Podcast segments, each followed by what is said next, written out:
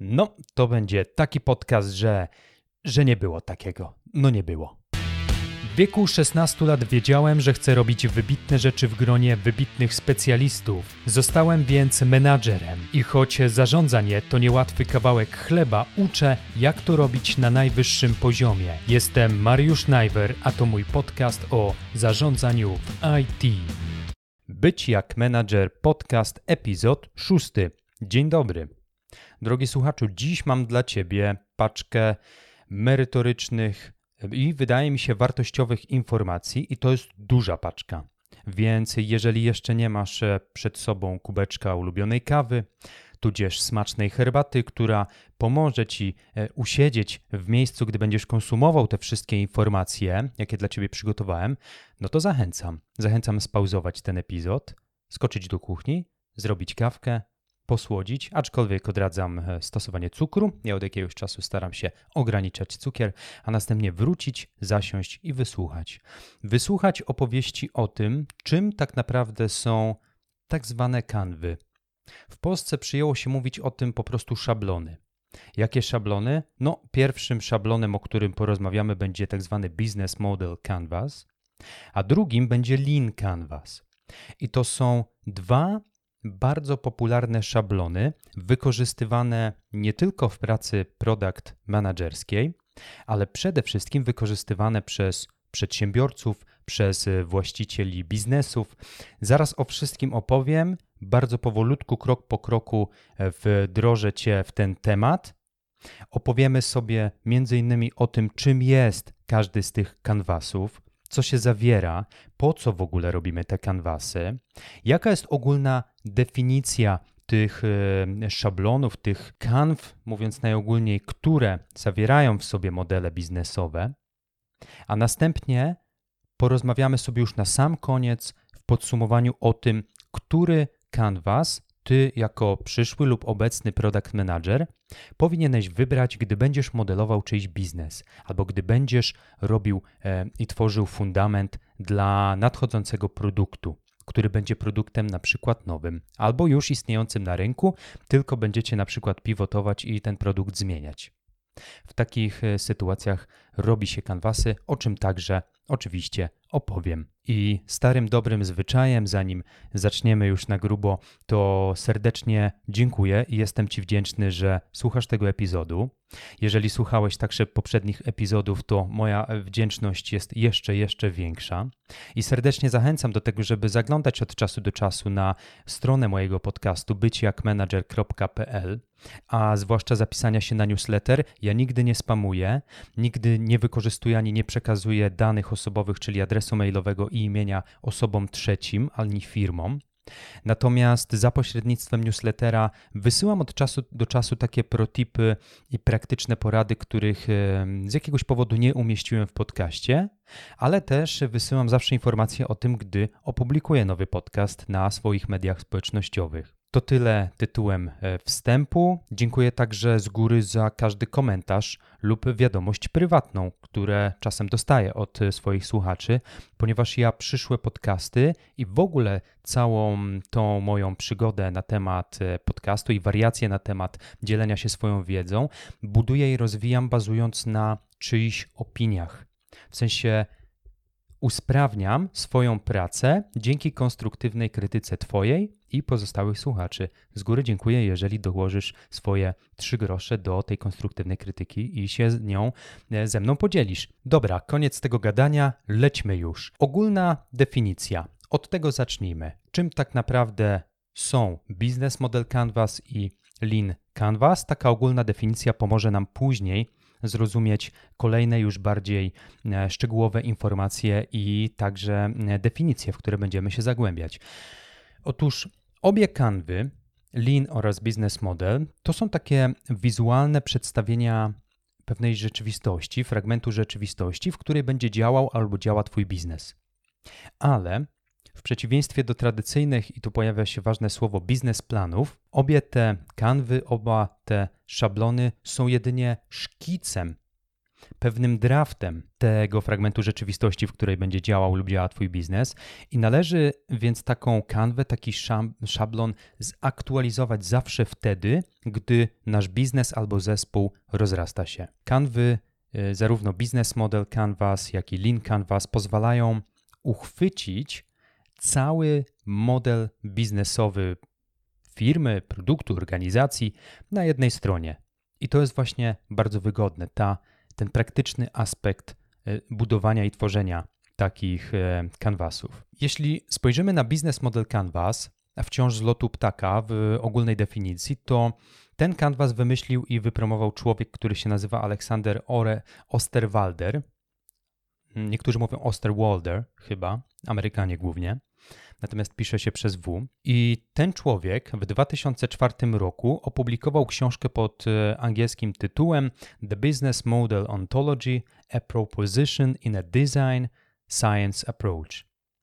I w tej książce autor po raz pierwszy opisał biznes model Canvas. Oczywiście książka wyszła w 2004 roku, natomiast spopularyzowała się lub ktoś jej pomógł e, rok później w okolicach 2005, a nawet 2006 roku.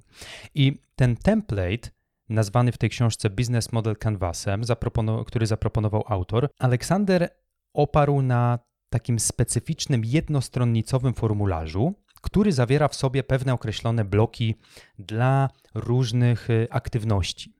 No i zdefiniowanie tych aktywności pozwala firmie albo po prostu biznesowi skupić się w tym samym stopniu na warstwie operacyjnej, jak też na takim strategicznym zarządzaniu y, oraz y, planach marketingowych firmy, produktu, biznesu. Nawet jeżeli pewne zwroty są jeszcze dla ciebie niezrozumiałe, to uwierz mi, im dalej będziemy iść w las z tą tematyką, tym więcej zrozumiesz. Cierpliwości. Teraz Lean Canvas z pozycji lotu ptaka. Lean Canvas wymyślił i opracował człowiek o nazwisku Ash Moria. Pisze się A-S-H, Maury Y-I-A. Czyta się Ash Moria. I Lean Canvas powstał później od Business Model Canvasu, ponieważ został zbudowany na jego bazie. On powstał na kanwie e, Business Model Canvasu, ale według tego Asha Mori ten Lean Canvas jest naturalnym rozwinięciem, jakby usprawnieniem Business Model Canvasu, ponieważ Lean Canvas ma z założenia skupiać się e, wokół konkretnego problemu, który wymaga rozwiązania. I ważna informacja jest też taka, że jest dedykowany głównie dla przedsiębiorców i biznesów startupowych. To jest już pierwsza różnica, która e, pojawia się pomiędzy tymi kanwasami. E, I teraz również z lotu ptaka, nie wchodząc w szczegóły, powiedzmy sobie, o tym, jaka jest różnica pomiędzy Lean Canvasem a Business Model Canvasem. Oczywiście zaraz z tych kanwasów opowiem e, w szczególe i przejdziemy sobie przez poszczególne sekcje e, zawarte w pierwszym i drugim kanwasie. Dzięki temu będziesz mógł zrozumieć, po co w ogóle robimy te kanwasy. Natomiast jeszcze zanim do tego dojdziemy, szybciutko o tym, jaka jest taka górnolotna różnica pomiędzy tymi kanwasami. Otóż Business Model Canvas czyli ten szablon, skupia się na sprzedaży konkretnego produktu lub usługi. Natomiast szablon Lean Canvas skupia się na rozwiązaniu konkretnego problemu, o czym powiedzieliśmy przed chwilą. Lean Canvas, czyli ten młodszy szablon, został za zaprojektowany z myślą właśnie o startupach i on posiada takie komponenty, które mają wspierać procesy zwinne, na których osadzone są albo firmy świeże na rynku, albo nowe produkty, które dopiero są albo będą wdrażane. Lean Canvas także jest głównie wykorzystywany do sprawdzania, do walidowania pewnych pomysłów i konceptów biznesowych. Jeśli nie jesteśmy jeszcze pewni co do tego, czy dany produkt w ogóle ma sens na rynku. Z kolei Business Model Canvas, starszy brat Lean Canvasa, stosowany jest częściej tam, gdzie pomysł został już zwalidowany, gdzie biznes działa, jest bardziej stabilny a teraz to, co należałoby zrobić, to skupić się bardziej na aktywnościach operacyjnych i sprzedażowych. Lean Canvas jest natomiast dużo prostszy, jest mniej kompletny, powiedzielibyśmy, niż Business Model Canvas, ponieważ Business Model Canvas próbuje pokryć tak naprawdę cały model biznesowy naszej działalności. I teraz jeszcze tak y, bonusowo y, chcę zauważyć, że istnieje jeszcze trzeci canvas, tej rodzinie, zwany Value Proposition Canvas.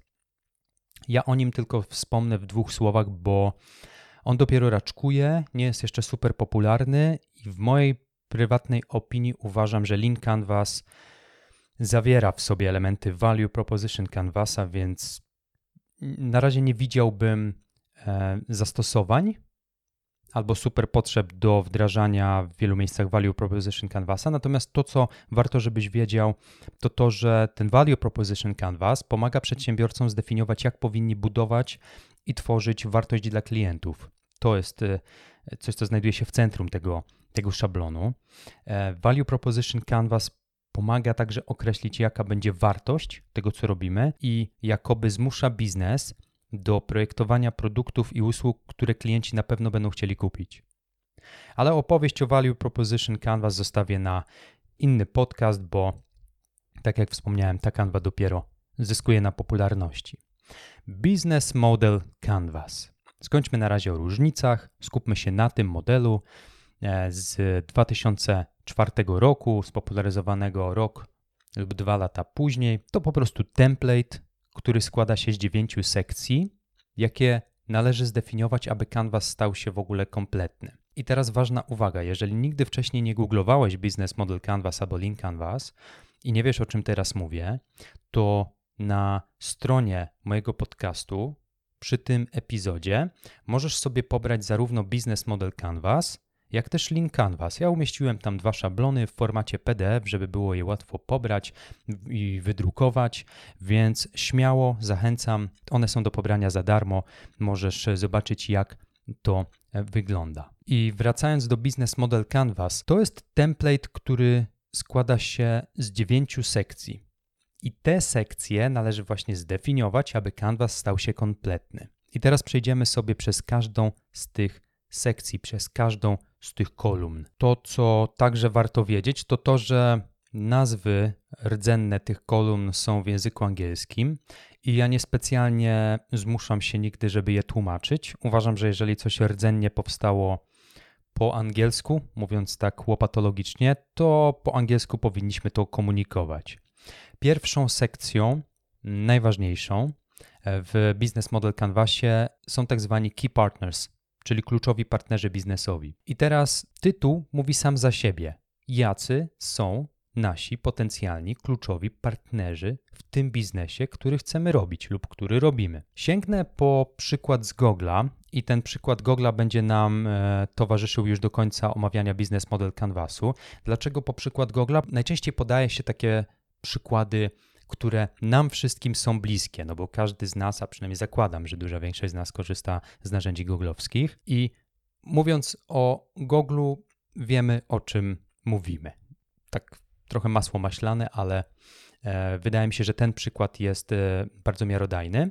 A z kolei przy kolejnym kanwasie sięgnę po przykład Ubera, ponieważ e, po pierwsze jestem fanem Ubera i tego, jak zbudowano i zmodelowano ten biznes, a po drugie to e, przykład Ubera też pojawia się w bardzo wielu e, prelekcjach i, i e, stronach internetowych jako taki fajny, wzorowy przykład modelowania biznesu na bazie Lean Canvasu. Wracamy do Key Partners. Jeżeli chodzi o tę kolumnę, to Google wpisałoby tam między innymi partnerów biznesowych skupionych wokół sieci AdSense, czyli wydawcy albo właściciele stron internetowych. To jest e, oczywiście e, logiczne i sensowne, a z kolei drugim takim segmentem kluczowych partnerów biznesowych dla Google byliby twórcy kontentu, ponieważ to twórcy kontentu, e, którzy tworzą blogi, strony internetowe, magazyny internetowe, treści wideo, oni tak naprawdę powodują, że i mamy ruch na tych stronach internetowych. W sensie bez kontentu w sieci nie byłoby w sieci ruchu, ruchu, który potrzebuje Google. E, Key Activities, tak się nazywa kolejna kolumna, czyli kluczowe aktywności. I tutaj chodzi oczywiście o to, jakie najważniejsze aktywności musimy podjąć i stale podejmować w komunikacji z między innymi tymi partnerami biznesowymi. Na przykładzie Google'a takimi kluczowymi dwoma aktywnościami jest e, między innymi oferowanie nowych produktów. Google musi oferować nowe produkty, nowe placementy reklamowe. To jest dla nich być albo nie być, e, zwłaszcza w tak dynamicznej branży jak branża branża placementów reklamowych w sieci. No i drugą taką innowacyjną aktywnością, e, już se spoilowałem, co chcę powiedzieć. Drugą kluczową aktywnością e, byłby innowacyjny rozwój ich przeglądarki oraz algorytmów. To jest ta aktywność, na której Google e, w mocnej części opiera swój biznes. Oni muszą wprowadzać innowacje do ich przeglądarki, nie tylko googlowskiej, ale także YouTube'owej, ponieważ dzięki tym algorytmom Google stało się potęgą. Natomiast oni nie mogą przysnąć e, w dowożeniu kolejnych innowacji. Kolejną sekcją Business Model Canvasu są kluczowe zasoby, które nazywają się Key Resources. W tych kluczowych zasobach chodzi o to, żeby wskazać, skąd my weźmiemy albo będziemy pobierać niezbędne rzeczy, żeby ten nasz biznes działał rzeczy, jakieś dane, zasoby, materiały, e, informacje. Ja myślę, że mówiąc zasoby, wszyscy wiemy o co chodzi. W przypadku Google'a tymi zasobami to byłyby między innymi bardzo duże inwestycje w dział Research and Development w R&D. No bo jeżeli oni chcą w innowacyjny sposób rozwijać ich przeglądarkę i algorytmy, no to skąd oni wezmą wiedzę na temat tego, jakie innowacje będą e, potrzebne, jak mają wyglądać te innowacje? Oni muszą inwestować w RD, żeby e, te e, innowacje odkrywać. Kolejnym przykładem kluczowych zasobów będzie infrastruktura IT. Tutaj myślę, że wszystko jest jasne. Serwery, informacje, dane, big data, cała ta infrastruktura musi być i ona musi działać. Trzecim takim kluczowym zasobem Google są zasoby intelektualne. Chodzi tutaj przede wszystkim o wiedzę, ale te zasoby intelektualne wydaje mi się są powiązane bezpośrednio właśnie z tymi inwestycjami w research and development. No bo im więcej innowacji odkrywasz za pośrednictwem R&D, R&D, tym więcej zasobów e, intelektualnych generujesz wewnątrz własnej organizacji. Value proposition. Chodzi o proponowaną wartość i to jest to, o czym wspominałem przy Value Proposition Canvas. Taka sekcja zawiera się w Business Model Canvasie i teraz o co chodzi? Chodzi o to, co tak naprawdę czyni ciebie i twój biznes special, so special na rynku co sprawia, że ty będziesz wyjątkowy. Przykład Google'a, darmowa wyszukiwarka, to jest ta wartość, to jest value proposition. Darmowe narzędzia i aplikacje, to także jest ogromna wartość po stronie Google'a. Ja sam korzystam z chmury googlowskiej, z narzędzi. E, ten podcast napisałem na Google Docsie. Tak naprawdę, jeżeli chodzi o Google Drive, także korzystam. Myślę, że bardzo wiele i wielu z nas korzysta z tych darmowych narzędzi Google'a.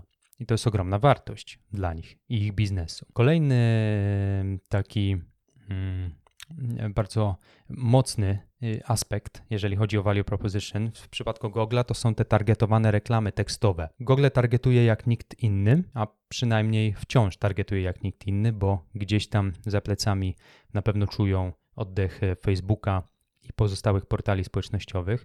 No i monetyzacja kontentu. To jest takie value proposition, w szczególności mm, którym interesują się twórcy internetowi. Mianowicie taki twórca, content creator e, ma możliwość monetyzowania swojej pracy, a praca takiego twórcy polega na tym, że on tworzy, że tworzy content. Jest jeszcze taka sekcja w Business Model Canvas.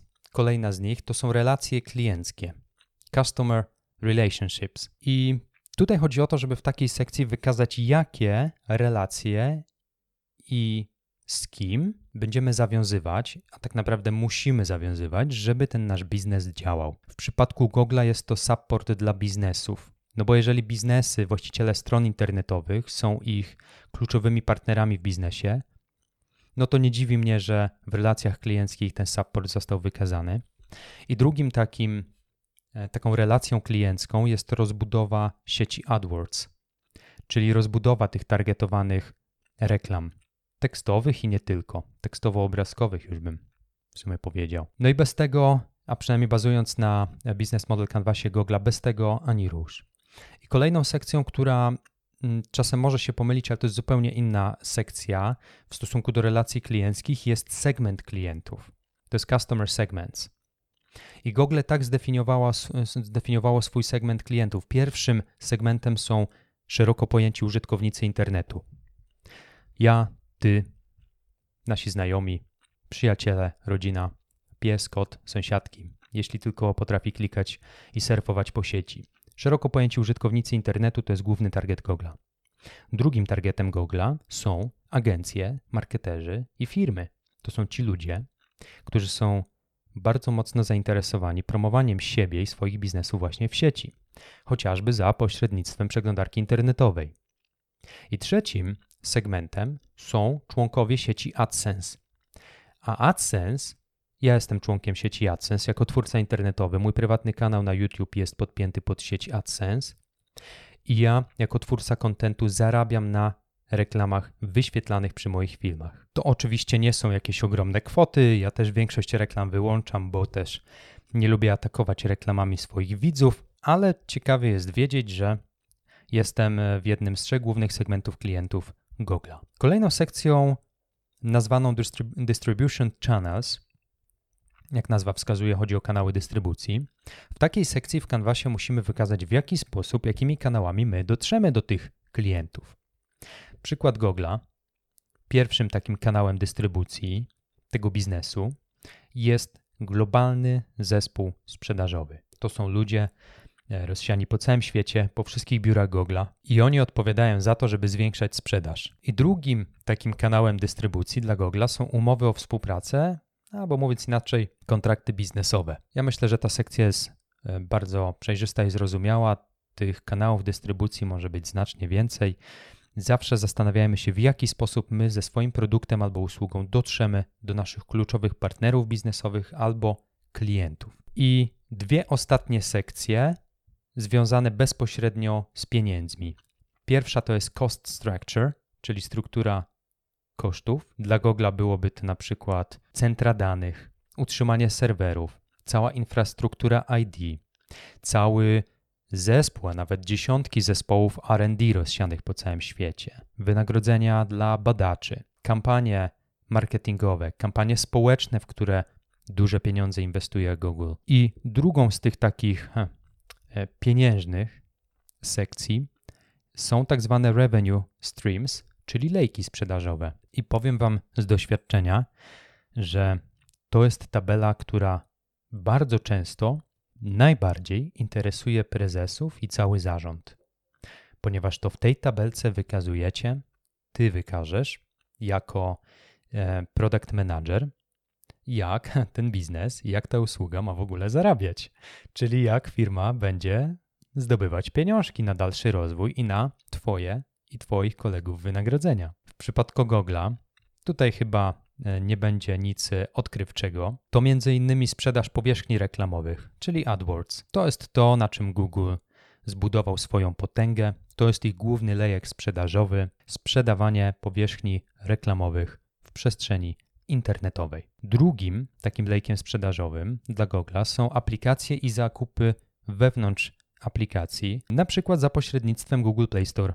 Ja akurat nie korzystam z Google Play Store, ponieważ jestem fanem jabłka, ale bardzo wielu moich znajomych kupuje aplikacje albo robi e, mikro zakupy, mikro zakupy, albo korzysta z mikropłatności wewnątrz różnych aplikacji. Są także pozostałe usługi Google'a, na przykład Google Cloud, e, serwery, jakieś hangouty premium, cokolwiek, już teraz z, z głowy lecę.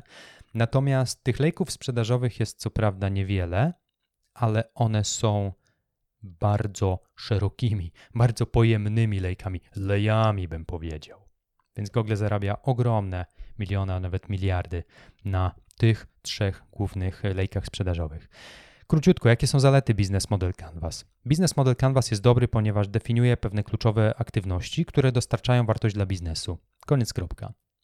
Jest także dobry, dlatego że wspiera pewne strategiczne relacje z klientami i partnerami biznesowymi, które musi zawiązać, żeby ten biznes ci działał. I ten kanwas pozwoli ci także na sprawdzenie modelu biznesowego, który już istnieje w pewnych warunkach rynkowych. Czyli jeżeli masz biznes, a chcesz go sprawdzić w obecnych warunkach rynkowych, zmodeluj go według tego kanwasu, będziesz wiedział e, wkrótce potem, czy to tak naprawdę ci działa. Ale Business Model Canvas ma też swoje wady.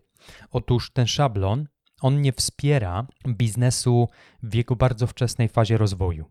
Ten Business Model Canvas nie jest idealny dla startupów i może też zmuszać jakoby do przyjęcia pewnych ryzykownych założeń, ale nie podpowiada, jak je zweryfikować.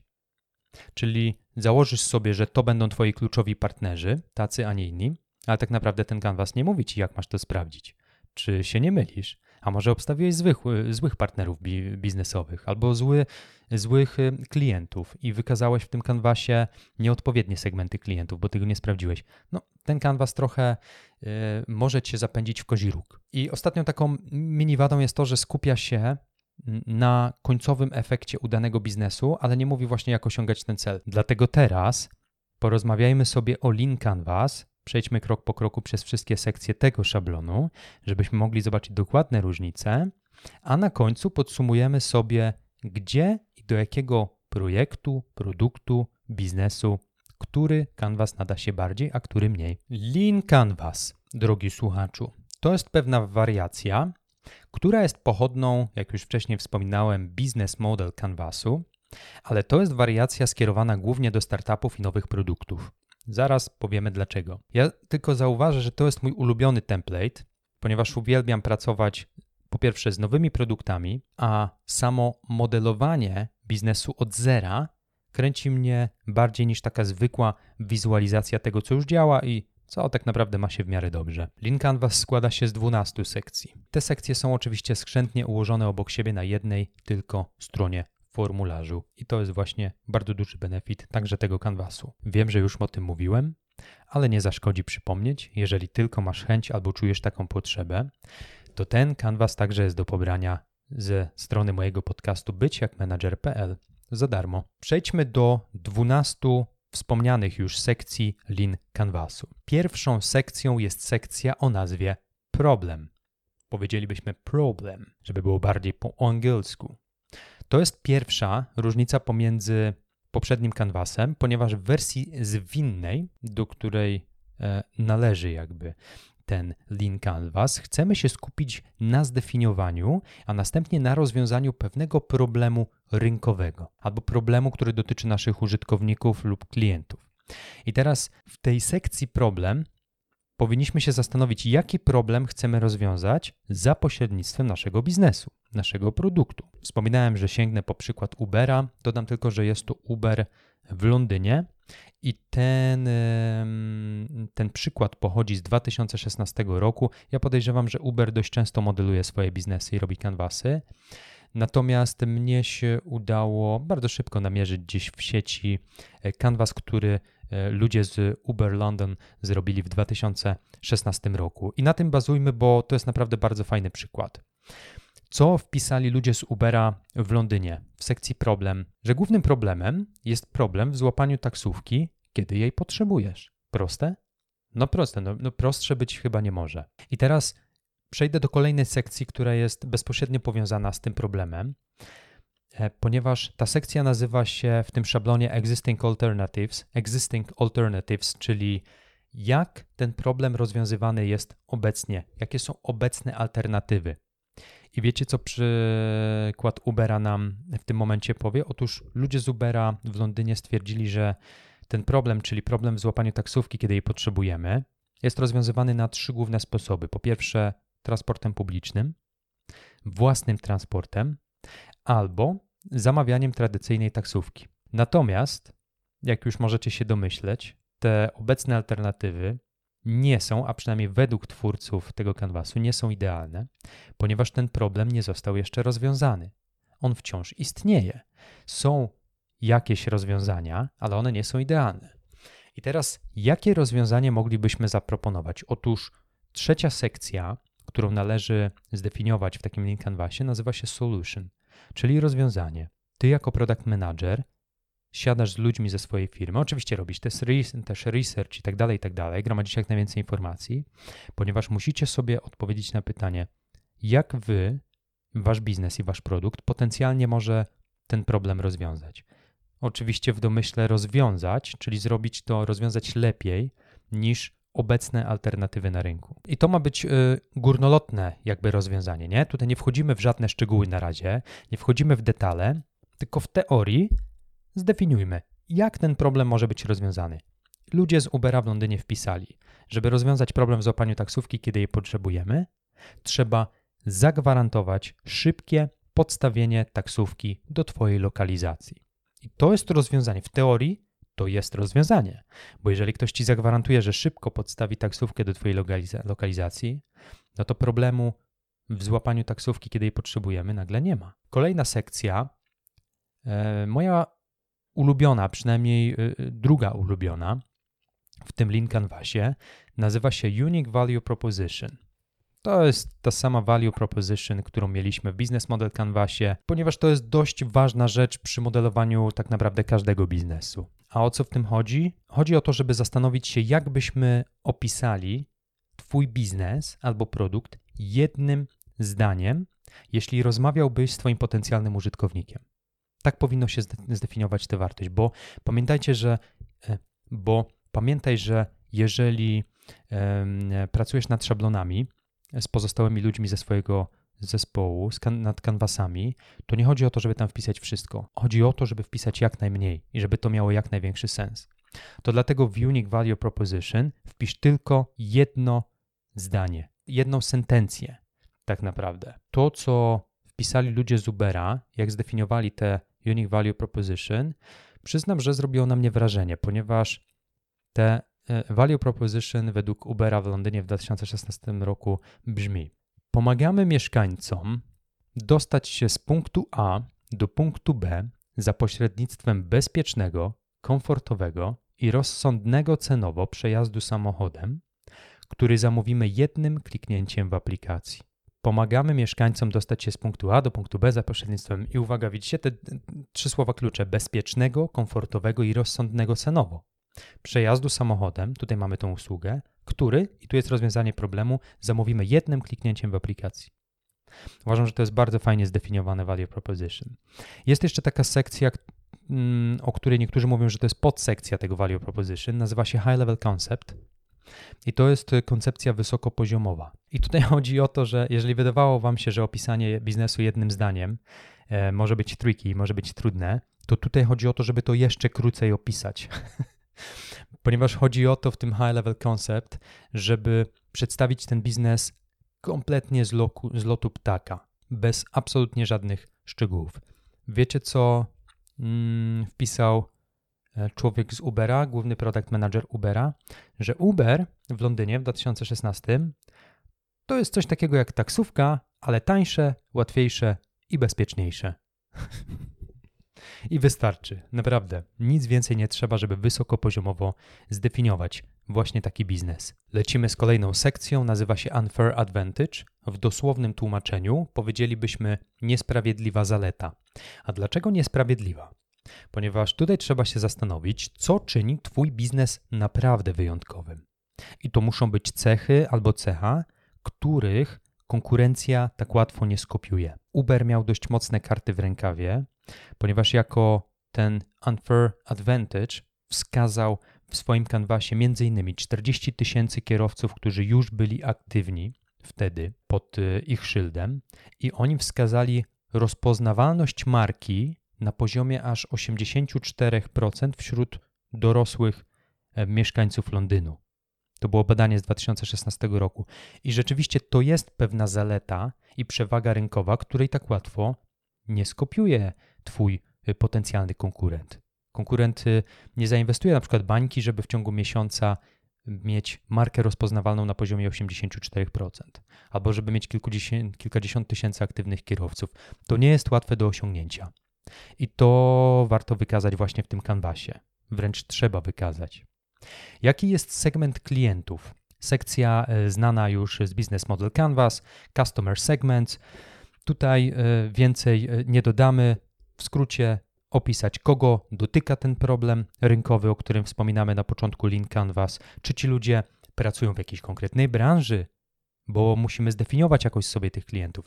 A może coś wyróżnia tych klientów, na przykład wysokość pensji. To jest bardzo ważna sekcja, ponieważ ci klienci są w centrum Twojego biznesu. Wiecie, co e, wskazał Uber, a raczej kogo wskazał Uber jako swoje główne e, segmenty klientów. Pierwszym segmentem dla Ubera wtedy, ale podejrzewam, że teraz też, byli młodzi ludzie w wieku 18-24 lata, którzy są świadomymi użytkownikami internetu, a także Londyńczycy oraz turyści, też w tym samym przedziale wiekowym. I drugim segmentem, który wskazał Uber, to są młodzi dorośli, bo już w wieku 24-44 lata. I tutaj także w tym wieku także Londyńczycy oraz turyści. Kiedy już zdefiniujesz jako product manager ten segment klientów, to przechodzisz do early adopters. Dla niektórych także podsekcja, dla mnie zupełnie osobny blok, link canvasu. I to jest ważne, ponieważ w tej sekcji, w odróżnieniu od segmentu klientów, także definiujesz człowieka, definiujesz target, ale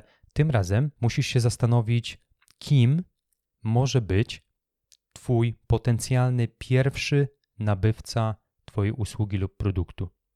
Kogo ten problem rynkowy dotyka najbardziej? Czy takie osoby wyróżnia coś konkretnego, zawód, praca, miejsce zamieszkania, musisz wejść jeszcze głębiej w ten target.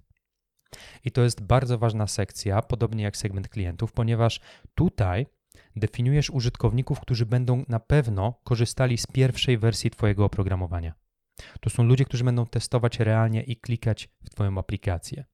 I to early adopters, o nich mówi się, że będą pierwszymi prawdziwymi testerami tego, co Ty i Twój zespół deweloperski wspólnie zrobicie. Dla Ubera w 2016 roku w Londynie byli to amerykańscy turyści, widzisz już nie tylko turyści, ale amerykańscy turyści, a także zamożni oraz zabiegani profesjonaliści. Widzisz, jeszcze bardziej zdefiniowali to, że nie tylko turyści, konkretnie amerykańscy.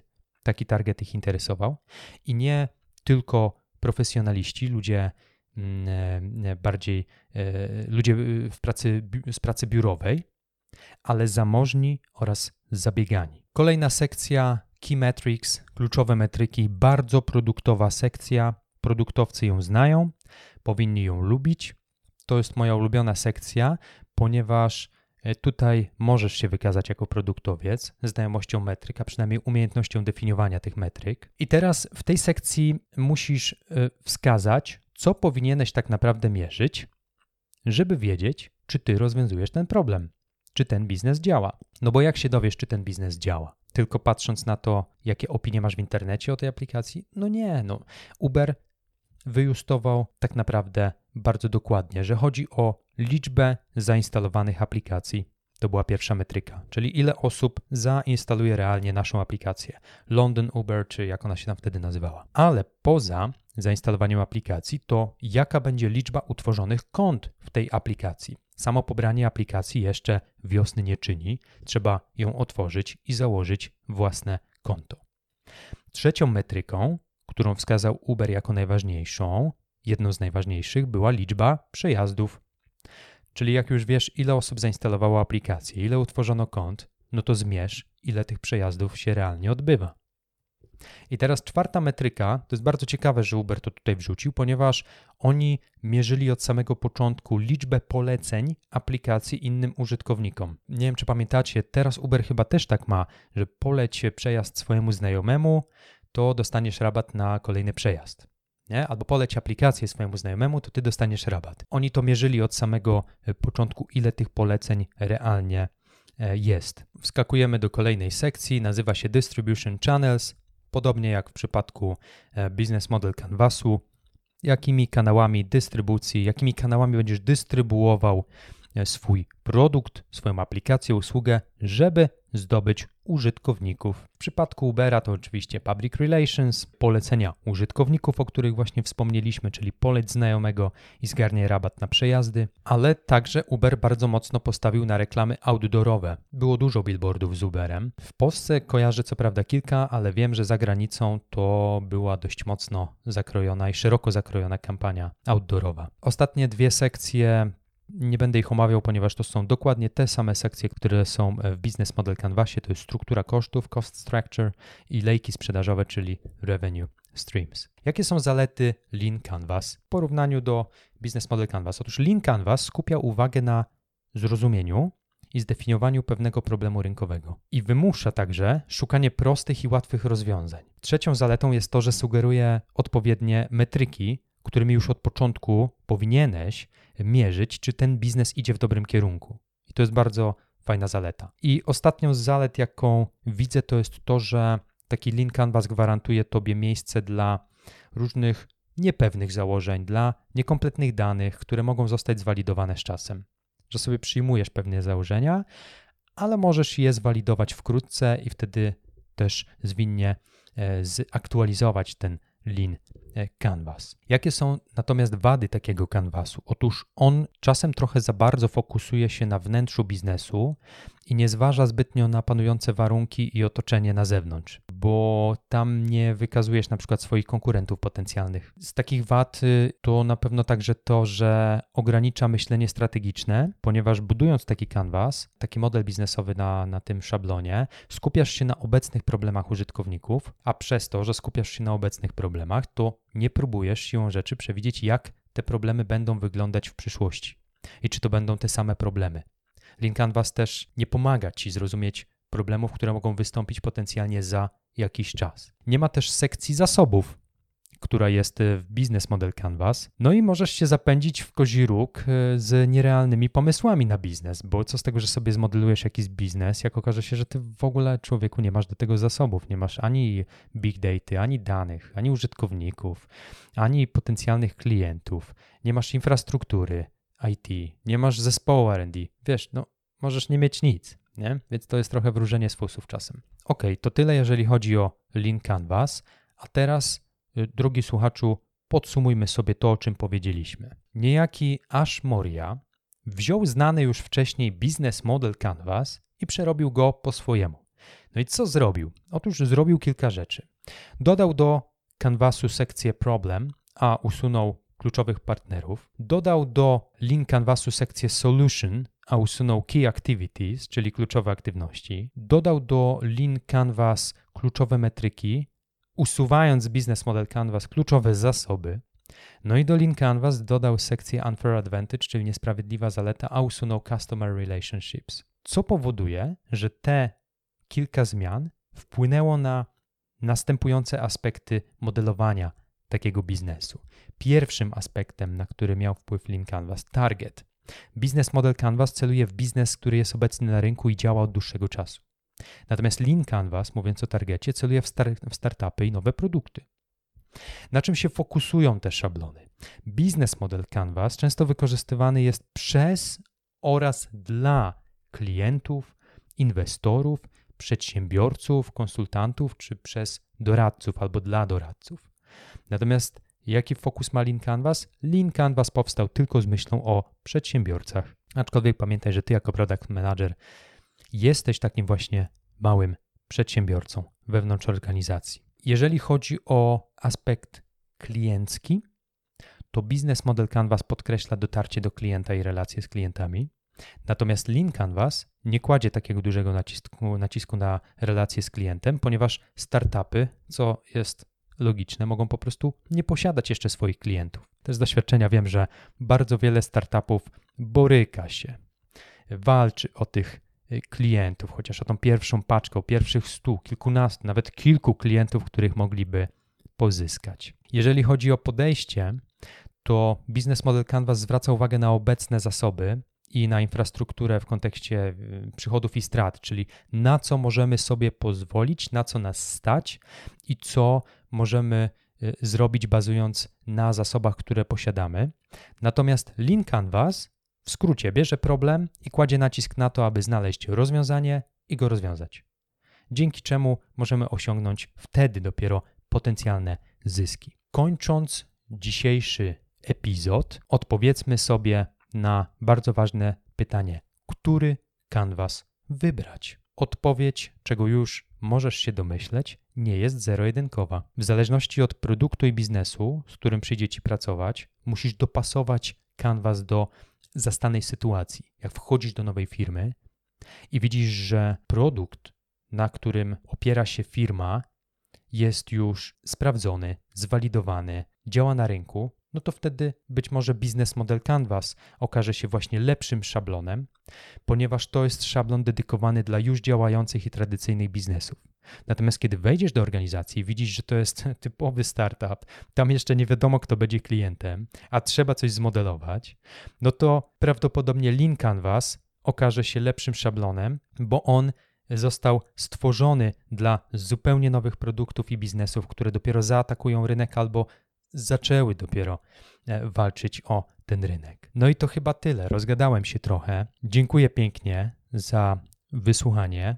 E, dziękuję też za wszystkie konstruktywne uwagi lub komentarz, jeśli e, zestawisz pod tym podcastem lub na moich mediach społecznościowych. Zachęcam jeszcze raz do zapisania się na newsletter, bo czasem rzucam tam bardzo fajne protipy i praktyczne porady. Ja ten podcast nagrywam w środku wakacji. To jest pierwszy e, tydzień sierpnia 2021 roku. Mam nadzieję, że te wakacje są lub były, jeżeli u Ciebie już się kończą, tak samo słoneczne, jak były dla mnie. Ja jestem świeżo po urlopie. Dziś jest ostatni dzień mojego urlopu, aczkolwiek muszę się przyznać, że, że ciągnęło mnie trochę do pracy i do komputera w czasie urlopu. Nie mogłem się tak całkiem odciąć od e, mediów społecznościowych i zarządzania produktami. Wielkie dzięki, do usłyszenia przy okazji kolejnego epizodu. Dbaj o siebie i innych. Cześć.